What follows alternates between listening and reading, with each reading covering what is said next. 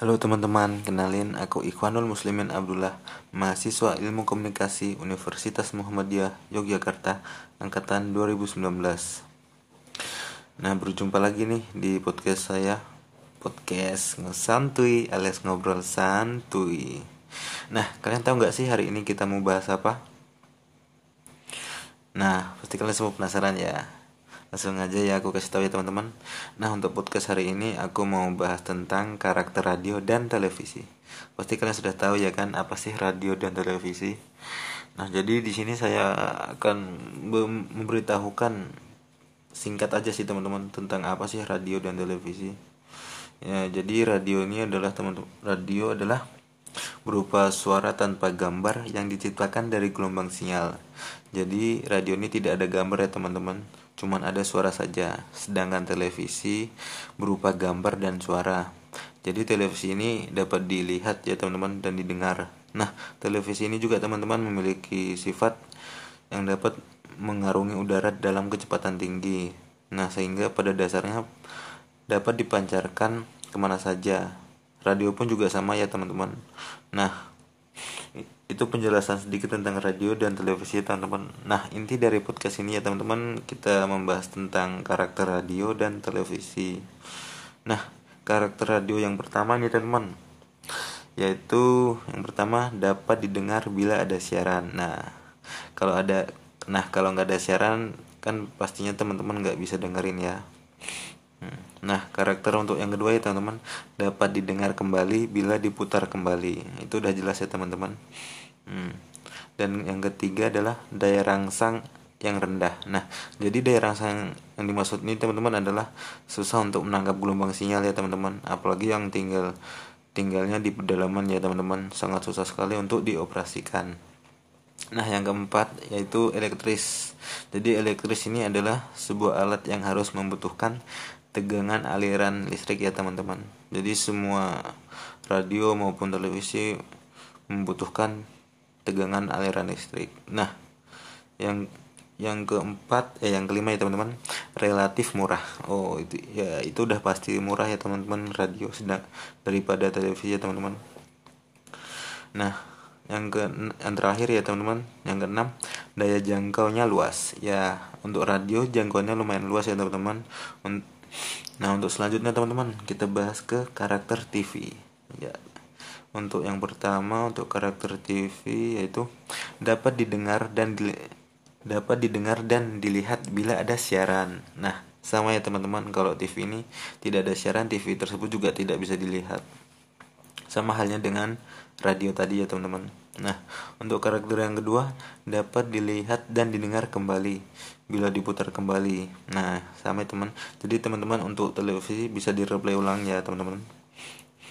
Untuk yang ketiga, daya rangsangnya sangat tinggi. Ya sama ya teman-teman, halnya dengan tadi karakter nomor nomor 3 di radio. Nah, untuk karakter 4 untuk untuk televisi ini elektris. Sama ya teman-teman. Sama juga seperti yang tadi. Elektris seperti radio, televisi ini juga membutuhkan aliran listrik ya teman-teman, seperti radio sama halnya membutuhkan tegangan aliran listrik.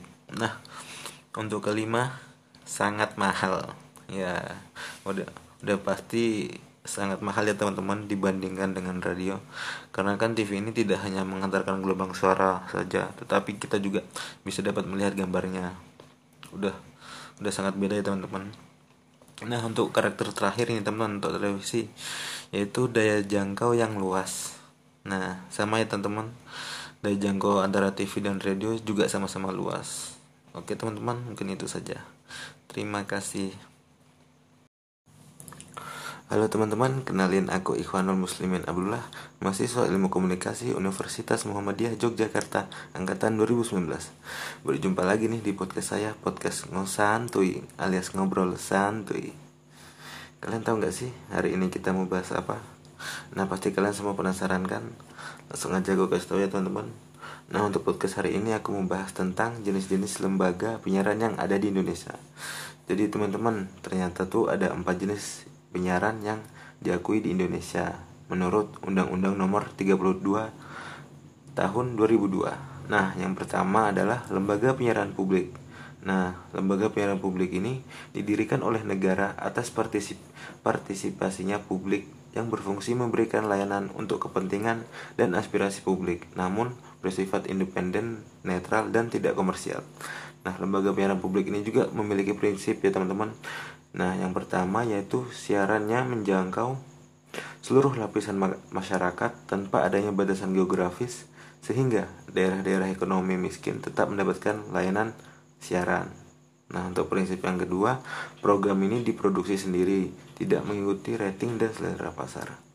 Nah, untuk prinsip yang ketiga, yaitu mandiri, tidak dipengaruhi pihak luar seperti pemerintah, partai politik, ataupun pemodal. Untuk prinsip yang keempat, yaitu memberi kebebasan kepada pengelola lembaga piaran publik untuk membuat program-program sesuai tuntutan kreativitasnya. Nah, contoh penyiarannya teman-teman yaitu TVRI yaitu Televisi Republik Indonesia dan RRI Radio Republik Indonesia. Nah, untuk lembaga penyiaran kedua adalah lembaga penyiaran swasta yaitu bersifat komersial ya teman-teman dan dan menggantungkan hidupnya dari pemasukan iklan dengan ketentuan warga negara asing dilarang menjadi pengurus lembaga penyiaran swasta kecuali untuk bidang keuangan dan bidang teknik. Lembaga penyiaran swasta ini juga dapat melakukan penambahan dan pengembangan dalam rangka pemenuhan modal yang berasal dari modal asing. Nah, yang ketiga ya teman-teman, lembaga penyiaran komunitas.